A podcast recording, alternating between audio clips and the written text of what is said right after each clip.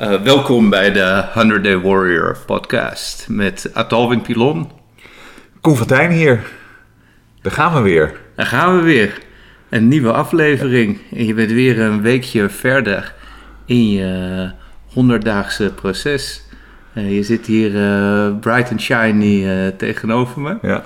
Te glunderen. Dus, te, te, glunderen. Uh, ik word er meteen een beetje zenuwachtig van. Want ik bedoel, stel je voor dat ik mezelf complimenten ga maken. Mm. En, uh, en er komt zo meteen een aap uit de mouw. Waarbij het toch uh, allemaal ietsje minder makkelijk is gegaan dan, dan ik hoopte. Maar um, nou, ik ben benieuwd. hoe, hoe zit je op dit moment in, je, in je proces? Heel goed. En zoals mensen die luisteren misschien wel weten, we nemen deze podcast op gelijk nadat onze sessie van dikke drie uur met elkaar zitten, mediteren en praten voorbij is. En zoals ik vanochtend ook al gedeeld heb in ons fantastische groepje, uh, heb ik een hele goede week gehad. Hmm. En heb ik het gevoel dat het idee van jouw programma, het mediteren, natuurlijk de voeding en het sporten, maar dat met name het mindfulness gedeelte heel erg veel weerslag heeft in positieve zin op mijn gedrag eh, in mijn omgeving. En heb ik het met name gemerkt in mijn werkomgeving. Hmm. Dat ik in moeilijke situaties veel meer het hoofd koel weet te houden en niet tegen het plafond zit van spanning. Hmm. Ja, hoe, hoe, denk je dat het komt? Ja, toch echt mindfulness. Gewoon het, het, het, het idee dat ik er bewust van ben dat er iets moeilijks aankomt, iets spannends. En dat ik soms even de drie minuten meditatie doe die we hebben geleerd. Mhm. Anders even gewoon even goed ademhaal. Mhm. En alleen dat al helpt. En ja, ik ben benieuwd als er nou echt hele, hele, hele pittige situaties aankomen. Hoe ik er dan bij sta. Maar tot nu toe, bij behoorlijk pittige situaties, heb ik, me, het gevoel dat het anders is gelopen, omdat ik zelf er anders in ben gaan staan. Mhm. En ik heb ook het gevoel dat dat heel erg door het mediteren en het proces komt. Want we gaan nu alweer de, zeg ik het goed? Vijfde, vijfde week. in. Ja, ja. vijfde week. Ja. Wauw. Het is interessant om te kijken van wat mindfulness nou is. Hè? Het is natuurlijk zo'n uh, uh, containerbegrip geworden. En jij begint nu inmiddels te voelen, te proeven, te ervaren in overdrachtelijke zin wat het met je doet. Mindfulness is eigenlijk, uh, nou, dat betekent natuurlijk uh, aandachtig zijn. En het is niets meer en niets minder dan uh, aandacht cultiveren voor wat er in ons en om ons heen gebeurt. En op het moment dat je die aandacht, en het is belangrijk dat het milde, dus vriendelijke, niet oordelende aandacht is. Op het moment dat we die aandacht cultiveren, zijn we dus minder snel verrast door allerlei gevoelens en ervaringen. Dus op het moment dat er dan bijvoorbeeld eh, zenuwachtigheid ontstaat, nou, dan is het oké dat er zenuwachtigheid is. Alleen je hoeft niet ook nog eens heel erg bang en onzeker te worden omdat je toevallig zenuwachtig bent. Dus je hoeft die gevoelens niet op elkaar te stapelen. Dus soms is er zenuwen en soms is er stress en soms is er verveling en soms is er woede. Maar op het moment dat je die, al die ervaringen of die emoties gewoon kan zien als een soort van verschillende weerstypes die komen en mhm. gaan, dan hebben ze uh, minder macht over je. Dan is het, dan is het oké. En dat, is, dat ga je pas voelen Weet je, gaat het pas echt begrijpen. Gaat het pas zien als je het door hebt. Hè? Zegt, uh, Zoals. Uh, zei de, onze vriend uh, Johan. God hebben zijn ziel. Als je het op een gegeven moment gaat, gaat begrijpen zoals je het nu, als je het gaat voelen, dan ga je het dus merken in alle momenten in je leven. En dan wordt het ineens best wel simpel. Vanochtend heb je nu ook een, een, aantal keren gezien dat er hier mensen zaten die dan eigenlijk zich een beetje generen voor het feit dat ze nu pas in de gaten krijgen, dik in de dertig, uh, chirurg of advocaat of whatever. En zich realiseren dat als je aandachtig bent, dat dan het leven ineens veel eenvoudiger wordt. Ja. Weet je, dat zijn mensen die allemaal echt wel op de, in de top van hun, eh, van hun veld of hun industrie eh, bewegen. En dan is iets heel simpels als aandacht hebben, dat is gewoon nog onontdekt terrein. Ja. En daar kunnen we dus zeg maar allemaal, allerlei mensen die eh, dus gewoon in onze omgeving zichzelf ontzettend plezier mee doen als ze dat gaan ontwikkelen. Nou, en dat ben je dus nu aan het Ja. ontdekken. En dat vind ik nou heel erg leuk. Ja, ik vind het ook heel cool. Ik, ik moet trouwens ook zeggen dat ik eh, van schrik hoe druk mijn brein is. Ik denk, wat zit ik nou de hele tijd allemaal te analyseren? En er zitten al eh, ongetwijfeld heel veel goede, nuttige gedachten en planningsdingen tussen. Maar ook dat ik denk, wat een... Was het altijd al zo'n chaos? Maar ook door er naar te kijken. En ook bijvoorbeeld bij iets als van... eh, daar hebben we het al eerder over gehad. De vaatwasmachine uitruimen of je tanden poetsen. En ik merk er ook van, ja, ik wil nog even mijn tanden poetsen. Ik zeg al te laat, ik heb te lang iets gekeken. Of ik ben te laat met dat begonnen. Dan, dan, dan is toch een, stukje boosheid op jezelf. Het is allemaal geen drama. En dan ga ik, denk ik, oh ja, ik sta voor één ingekrompen boven de wastafel. Nee, hè, dat hebben we ook, leren we ook in deze training. Rug recht, schouders achteruit. Het, hoeft, het is allemaal niet zo'n drama. Ik ben mijn tanden aan het poetsen. Ik ga naar bed. Er is niets aan de hand. En er even bewuster van worden. Ik merk dat ik mezelf heel vaak moet, maar ook wil corrigeren. Ik denk, oh, ik kan a- andere houding aannemen. Ik vermoed dat het corrigeren steeds natuurlijker gaat. Naarmate ik dit vaker doe. Ik ben me in ieder geval veel bewuster van dat ik, ja, dat ik die dingen op die manier doe. Mhm. Ja, wat ik een, eh, een goede tip vind, of hoe ik het zelf ervaar, is dat die correcties eh, die je doet bij jezelf eh, op een liefdevoller manier gaan. En eh, een manier om je daar een beeld voor te stellen eh, is dat we zitten hier aan een tafel. Hè? En die tafel heeft eh, dus tafelpoten van een, van een meter. Stel je voor dat deze tafel is, nog twee slagjes groter, zodat je erop zou kunnen picknicken. En die poten die zijn vijf meter lang. Dat betekent dat als je van die tafel af zou vallen, zou je echt wel smak maken. Stel je voor dat je zit daar met een, eh, met een babytje. En dat babytje is natuurlijk eh, zich onbewust van het gevaar, dus die kruipt naar de randen. Als je dat babytje naar de randen ziet kruipen, zul je hem steeds met, met, met, met een heel liefdevol, zacht gebaartje weer teruggeleiden naar het midden. Je geeft hem niet meteen een draai om zijn oren. Ja, Dus het is, het is die houding, weet je wel, die vriendelijkheid, de, de, die vriendelijke correctie in plaats van eh, de zweep erover Ja. die je wil cultiveren. ja. Nou, en dat doe je ook in je meditatie. Als je merkt dat je in gedachten bent. Oké, ik ben in gedachten. En dan zachtjes ga je weer terug naar de adem. Niet in plaats van, jij is koet, sukkels, ben je weer aan het denken. ja. En dan, want dan krijg je weer een, precies dat proces wat ik hiervoor noemde.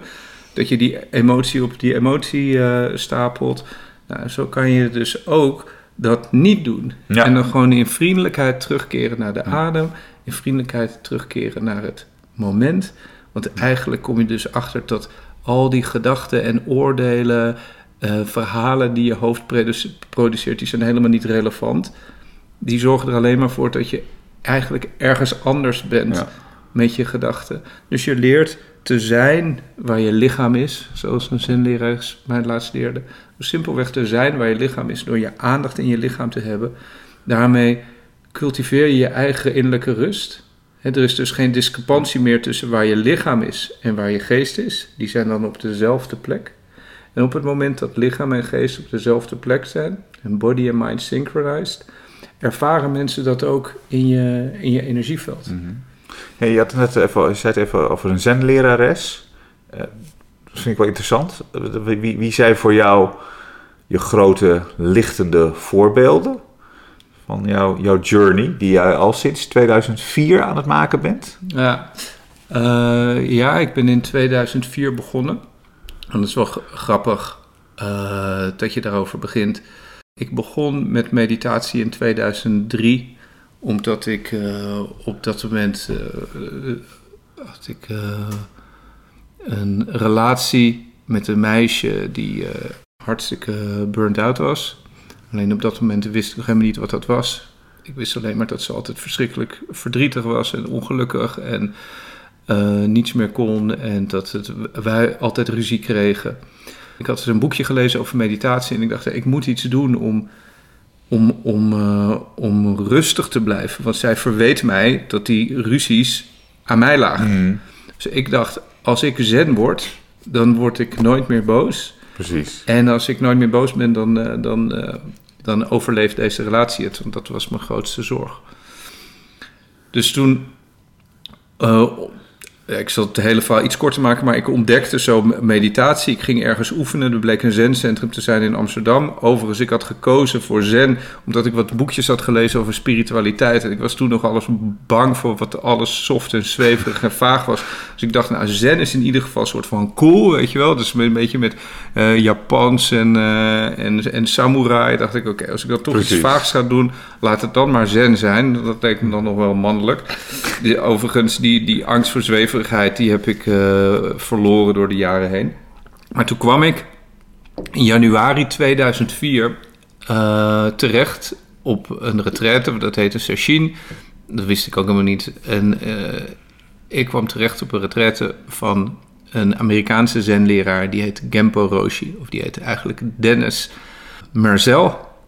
En uh, Gempo is dan de naam die hij van zijn zenmeester heeft gekregen. En Roshi is de titel.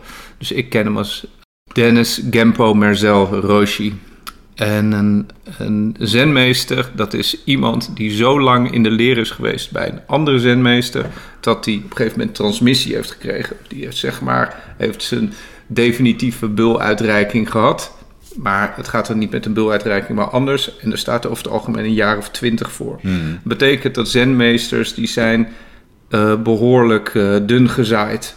Want er zijn niet zoveel mensen die dat uh, pad, die training afmaken. En het is eigenlijk ook een training met een begin en een eind. Nu is hij, Gempo Roshi, is als jonge leraar naar Europa gegaan. Hij had een Japanse leraar, hij was Amerikaan. En hij is een van de eerste uh, zenmeesters geweest die zen naar Europa heeft gebracht. Dit is ergens uh, jaren 70, jaren uh, 80 of zo geweest, als ik het goed zeg. En hij heeft hier studenten gevonden, waarvan er een aantal inmiddels ook zenleraar zijn en ook weer andere leraren hebben opgeleid. Dus dat betekent eigenlijk dat het een soort familie is. En uh, Gempo Roshi is toen mijn leraar geworden. Maar omdat hij in Amerika zat en ik zag hem zo zelden, heb ik gevraagd of zijn eerste successor in Europa, Geno Roshi, of die ook mijn leraar mocht worden. Dus ik heb, dan heb ik twee leraren, Genne, uh, Gempo Roshi en Geno Roshi. Geno woont in Parijs. Maar Geno heeft ook weer successors. En één daarvan is uh, Corinne Sensei. En die spreekt af en toe een podcast in die jij hoort als, uh, als een van mijn studenten. En um, Michel Oltete Sensei Mhm. uit, uh, uit Den Haag. En ik heb nu tegenwoordig af en toe contact met Corinne. om het allemaal zo ingewikkeld te maken. Want Corinne zit in Duitsland en die heeft uh, wat meer tijd dan de gemiddelde zenmeester of zenmeesteres. Ja. Of in ieder geval wil ze graag, wil ze, ik weet niet of ze het graag doet, maar ze is in ieder geval zo lief om tijd voor mij uh, ja. vrij te maken. Omdat ik door de 100 Day Warrior, omdat het zo goed gaat, kom ik er niet meer aan toe om regelmatig op uh, retreats te gaan. Ja. Want eigenlijk wil je als zen-student zo vaak mogelijk bij je leraar op retreat. Of een, een retreat, een session, is een moment waarbij de, de training zich intensiveert. Dus je bent eigenlijk altijd ja. in training, zoals ja. jij nu ook. Jij ja. bent altijd in training, maar over een paar weken gaan we op retreat. En dan gaan we er nog even een stapje bovenop doen. Dus nu zit je elke dag uh, een half uurtje op je kussen. En dan zit je ineens uh, vier uur per dag op je kussen. Nou, en in Zenland is het zo, je zit elke dag ongeveer een uurtje op je kussen en dan zit je ineens acht uur op je kussen. Mm. Nou, je kunt je voorstellen dat als je één keer in de maand een week lang acht uur op je kussen zit, ja, en je houdt dat een jaren vol, ja, dan heb je dus een, een behoorlijke diepe meditatiepraktijk. Ja.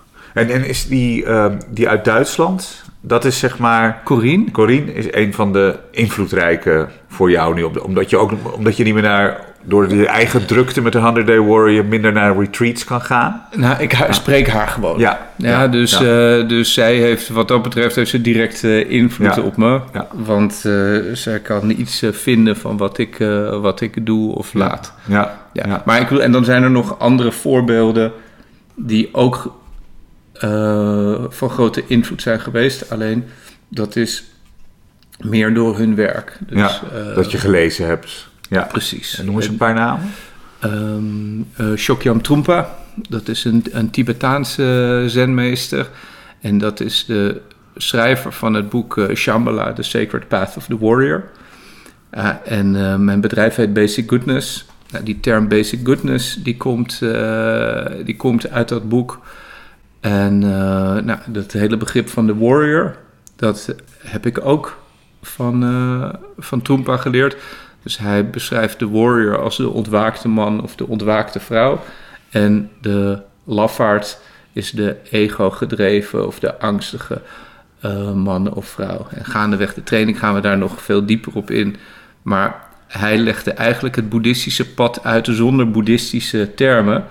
En dat, eh, die term warrior, dat is, in eerste, is een interessante term. Want in eerste instantie denk je dus aan iets stoers en iets eh, bloeddorstigs enzovoort enzovoort. Maar als je dieper gaat kijken naar wat een warrior is, gaat het over moed en over compassie en over bereidheid je op te offeren en onbaatzuchtig zijn en eh, ehm, eh, dienstbaar zijn aan anderen en zo. En dat al die waarden tezamen, als je die gaat, gaat trainen, dat is precies wat je krijgt als je je ego gaat ontmantelen. Precies, daar zijn we ook mee bezig.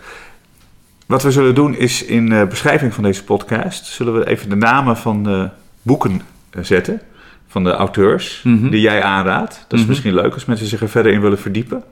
En dan, eh, dan, dan ja, kan, kan dat even opgepakt worden. Want Ja, om zo leuk. de hele tijd zo mee te schrijven. Dus je kan gewoon lekker in eh, de beschrijving van deze podcast zien... over welke meesters en meesters we het hebben gehad... en welke boeken jij eventueel aanraadt. Ja. Dan willen we het nog eventjes hebben over jou Ja, hè? en over, eh, over jouw pad. Hoe, hoe gaat het ook met je, met je training? Hè? Ja. Of, eh, als je nu in de spiegel kijkt of als je de trap oploopt, begin je verschil te voelen? Ja, ik merk, ik merk verschil, ik zie verschil. Soms gaat het me nog niet snel genoeg. En soms zie ik mezelf even in een reflectie ergens en dan denk ik, ik heb een hele andere houding. Mhm. Ik zie er heel anders uit. Mhm. Mensen die me een tijdje niet gezien hebben, die, die zeggen, hé, hey, er is echt iets, iets anders. Mhm. In het begin zag ik het nog niet. En ik ben nogal para met mijn gewicht. Dat is ook wel zo'n issue. Daar hebben we het ook al eerder over gehad. En dat heb ik even losgelaten. Ik denk, ik ga maar niet elke dag lopen wegen. Ik had ook de instructies van de Whole 30 gelezen, waar we Mhm. toch eh, de eerste 21 dagen op gebaseerd hebben. Wat weer gelieerd is aan paleo. En ik denk, nee, dit is niet goed voor me. Dus ik heb me pas na drie weken, toen we de eerste drie weken door waren, gewogen. Mhm. Tussentijds dacht ik, mijn broek zit wijd, mijn broek zit strak, ik ben dik, ik ben dun. Ik, alles die emoties gingen, kwamen door me heen. Ik Mhm. heb ze allemaal laten gaan. En toen ik dus op de weegschaal stond, was ik 3,1 3,1 kilo kwijt. Wauw. Wauw. Zonder er te veel over te stressen en zonder er elke dag op te staan. En zonder honger te hebben. Ja, weinig honger. Ja, Ja. ja, ja, ja. Want ik had op een gegeven moment het verknipte idee gekregen dat als ik honger heb de hele dag, dat is goed. Mhm. Terwijl nu leer ik dat vol zitten door het gezonde eten wat we eten, Mhm. is een gezonde emotie. En vol is niet per definitie opgeblazen. Mhm. Er zit echt een groot verschil tussen. Maar dat ben ik weer aan het herontdekken. Dus dat is bijzonder. Wat ik wel heel lekker vind ook van dat ik probeer dan vaak vroeg te trainen. En ik merk ook hoe, dat, hoe lekker is, dat is voor de rest van de dag. Ik moet zeggen dat die conditietraining echt even aan het einde af en toe even de hel is. Mhm. Maar ik heb, nu ook al, ik heb nu alweer zin om de komende week drie keer te gaan sporten. Mhm. Dus dat is wel goed. En de rest van de dag loopt ook gewoon lekkerder. En de voeding. Ik had ook een enorme obsessie gekregen met koolhydraten. En de koolhydraten had ik als het eh, kwaad des aards, de duivel op aarde verheven. Mhm. En wij hebben dus een tas- test gedaan een dag met zuivel. Mhm. Uh, ik zeg lactosedag, hè, heet Mhm. dat officieel. Mhm. Een dag met gluten, slash koolhydraten. Mhm. En dan de peulvruchten. De peulvruchten heb ik nog niet gedaan, maar die andere twee wel. En dat beviel eigenlijk heel goed. Een zuivel merkte ik gewoon, ja, ik vind dat heel lekker. De kaasboer zei dat hij me gemist had. nou, daar ga ik voorlopig nog even niet heen. Maar ik haalde wel noten. Dus ik ga er wel heen, maar niet voor kaas. Maar wat ik merkte is dat ik zei: Oké, zuivel is best wel lekker. Maar het hoeft niet meer zoveel als ik had in het verleden. Mhm. En toen ik volkoren brood at, dacht ik: Ja, dat is eigenlijk wel heel lekker. Ja, maar dan krijg ik 100 vreedkiks de rest van de dag. Helemaal niet. Het ging gewoon eigenlijk hartstikke goed. Mhm. Dus ik kan dat best wel in mijn dieet verwerken. Mhm. Als ik maar dan niet eh, hamburgers, witbrood en weet ik veel wat rare room... Niet dat ik rare roomsoezen at vroeger, maar Mhm. tijdens dit, deze, deze periode krijg je soms trek in dingen die je normaal gesproken nooit eet, omdat je ze niet mag. Interessant. Ja, maar het, het, het, het, het, het, het eten volgens de voorschriften zoals we die krijgen tijdens de 100 Day Warrior. Ik kook praktisch elke dag voor mezelf, redelijk uitgebreid. En dat is echt, mag best wel een wonder heten. Mhm. En dan ben ik soms moe van toch best wel een pittige dag. En dan denk ik, ja, ga eerst even op de bank zitten, eerst even wat anders doen. Dan kom ik thuis. Ik ga eigenlijk meestal direct koken. Mhm. Ik denk, ja, is goed voor me. Ik heb er zin in. Ik heb geen zin om te gaan snacken. Mhm. En, En hoe voelt dat? Heel goed. Heel Ja, goed. dat is te gek, hè? Ja, Dus het is interessant, want we denken dat we op een of andere manier verdienen we eh, dat, eh, dat ontspanmomentje. En dat, weet je wat, dat, dat, die, die, eh, dat lethargische Ja. op de bank ploffen met een zak chips. Ja. Dat, dat, dat is eigenlijk een soort van denken dat we onszelf feliciteren. Maar op het moment dat je jezelf traint om te gaan koken als je thuis komt, dan voelt dat heel lekker. Ik merk het zelf ook, Ja. want ik was ook niet de ontzettende keukenprins. Ik kon wel gezonde dingen in de pan gooien. Mhm. En Ik heb nu een veel fijnere keuken. En het komt ook omdat mijn eh, eh, meisje Nin veel meer met koken bezig is. Ik dacht altijd als mensen zeggen dat koken een soort meditatie is, dacht dat het een soort bullshit was. Maar het geeft echt, het helpt je om de dag af te schakelen. Je geeft, er zit energie en liefde in en dan creëer je een maaltijd wat echt een soort beloning is. Wat veel fijner is dan zo'n fucking Ja. zak chips. ja, ja. Of even snel zogenaamd half gezond, half ongezonde dingen bij elkaar hakken. En dat in een bak gooien. En zo van, nou, ik doe nou wel wat voor mezelf. Ehm, inderdaad, het, het gerecht klaar zien worden, bereid zien worden. Dan, eh, dat, is, dat, is, dat is bijzonder. En dat houden we erin ook. We, hadden, we gaan over van presence and surrender. Dat was de afgelopen week. Nou ja, ik bedoel, eh, wacht Ja. eventjes. Ja. Ehm, we behandelen hele grote thema's. Mhm. En eh, als het goed is, heb je afgelopen week zeg maar eh, kennis gemaakt met wat presence met je doet. Dat Ja. je meer Ja. aanwezig bent en meer in je hoofd. En daar begonnen Ja, we. daar begonnen we de podcast mee. Ja. We hebben het niet gehad. Nee. Als het goed is, blijf je de rest van je leven presence cultiveren. En op het moment dat je meer present bent, Mhm. dan ga je ook meer oog krijgen voor het volgende onderwerp. En dat is overcoming obstacles. Ja. Dus weet je, we zijn nog steeds vaak geconditioneerd om, eh, om weg te duiken, om datgene wat we vervelend vinden te ontwijken. Ja, nu is de volgende stap dus je leren niet alleen present te zijn, maar ook present te blijven op het moment dat je een beetje de wind tegenkrijgt. Of dat nou fysiek Ja. of eh, emotioneel is of eh, door het weer, echt letterlijk. Je hoofdstuk begint met een eh, quote van Walt Disney. Hmm. Misschien wel leuk om die even voor te lezen. Komt-ie. All the adversity I've had in my life, all my troubles and obstacles have strengthened me. You may not realize it when it happens, but a kick in the teeth may be the best thing in the world for you. Ja. Het interessante is dus, you may not realize it when it happens. Weet je, op het moment Ja. dat je zeg maar een, eh, een schop onder je reet krijgt, of een eh, schop in je tanden, zoals eh, Walt Disney het zegt, dan heb je niet in de gaten dat dit een goed iets is. Maar vaak met eh, hindsight hebben we eh, het meest geleerd van de momenten waarin het een beetje tegen zat. Ja. En dat is ook interessant in je meditatie. Want mensen hopen altijd op zeg maar, van die blissful momenten in de meditatie. En die denken dat de meditatie waarin het tegen zit geen goede meditatie is. Maar met hindsight is leren present blijven op het moment dat het taai wordt. is een van de belangrijkste life skills die een mens kan uh, hebben. Nou, met die mooie quote van Disney sluiten we deze podcast af. Hmm. We gaan op naar de volgende aflevering. En volgende week van Overcoming Obstacles. Ja. En ik zal je daar verslag van uitbrengen in de volgende aflevering. Ik wens je veel obstakels. Nou, dankjewel moet ik dan geloof ik zeggen. Hey, voordat we afsluiten, dan nog uh, mijn uh, website. Vind me op uh, www.basicgoodness.com of 100daywarrior.nl.